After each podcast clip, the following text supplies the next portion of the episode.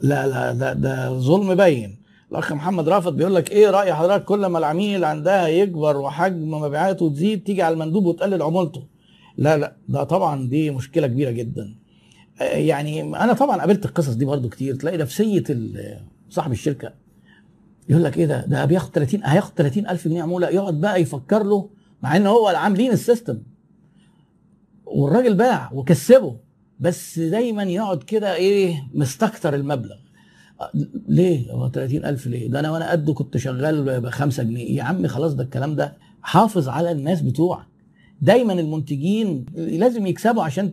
وإلا حد هياخدهم. لازم أنت تبقى سعيد لو المندوب عندك.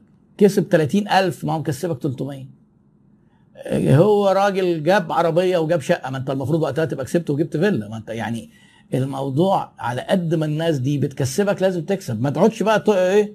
أنا ما كملتش قراية السؤال بس هي الحتة الأولانية دي لأن الباقي طويل. الشركات دي تصرفها خاطئ خاطئ جدا. آه مديري في الشغل كذاب. والله بص دي كارثة. ما تتعاملش مع حد كذاب. ما تقبلش إن صديقك يبقى كذاب ولا شريكك ولا مديرك ولا موظف عندك. مديرك كذاب يعني لو تقدر تسيب الشغل كله بالكذابين اللي فيه سيبهم. ولو الكذب بيأثر على الشغل اشتكي لمدير مديرك. إحنا برضو فاهمين حاجة غلط.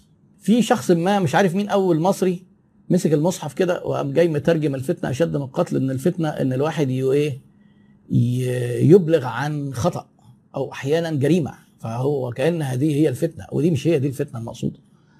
الفتنة إذا كانت الفتنة المقصودة إن أنت تبلغ عن واحد بيكذب على عملاء مثلا لا لو سمحت افتن دي اسمها حتى بيسموها whistle blowers الناس اللي بي عارفين اللي واقف كده على الشط اللي هو البحار اللي بينقذ بينقذ الناس إزاي؟ بيصفر عشان أقرب واحد يكون جنبه على ما هو يروح له.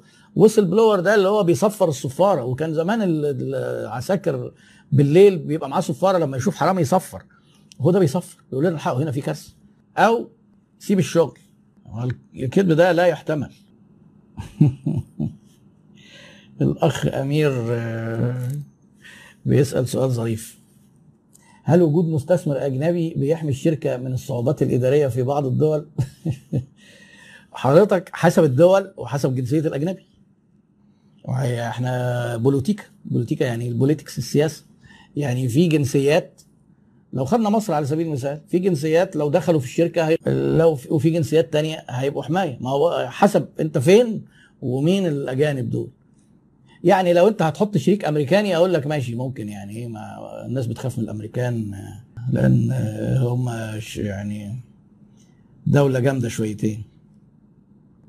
آه والله حاجة جميلة قوي أحمد عباس بيقول لك أعداء النجاح افتح فيديو قرآن.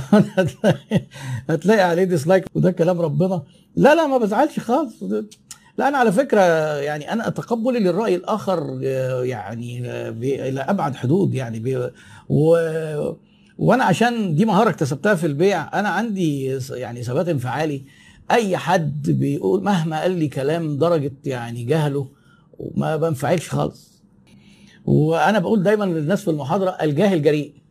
كل ما ازداد جهلنا للأسف بتزداد جرأتنا وبنتجرأ على اللي بيبقى عارف وبنعتبر إنها وجهة نظر. يعني أنا مرة حطيت سؤال حطيت سؤال يا جماعة إيه هو هل التسويق يخلق الاحتياج ولا آه غلط؟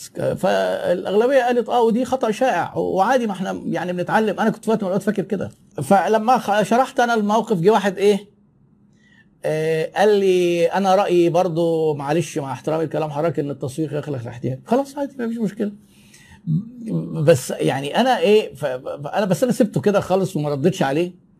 وكتبت بوست لوحده. يعني عشان ما بقاش إيه أنا بحتك بيه شخصيا. حطيت سيناريو كده افتراضي يعني.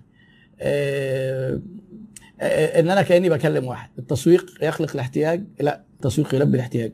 بس مع احترامي لحضرتك لا ده التسويق أنا شايف إن هو يخلق الاحتياج. ده رأيي. فأنا ردي كان إيه؟ آه، رأيك ده تقوله لما الحاجة تقول لك تحب تتغدى إيه.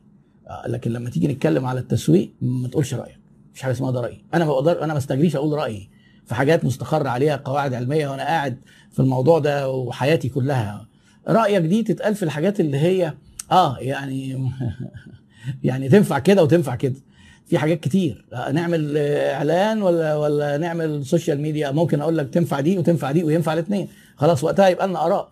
لكن في حاجات مستقر عليها ما ينفعش يقول لك مثلا أنا مثلا في الميزانية نفسنا نحط كده الإيرادات والمبيعات. مش بمزاجك. هي ليها نظام يعني. أنا دايما أتمنى نكون بان الساعة دي وهي وقت مش قصير بتقضوه في شيء مفيد بينعكس يعني ايجابا على أعمالكم. ودايما بإذن الله نلتقي على خير وما تنسوش اللايف عياده الشركات الجمعة القادمة 9 مساء ونشوفكم كل خير دايما والسلام عليكم ورحمة الله وبركاته.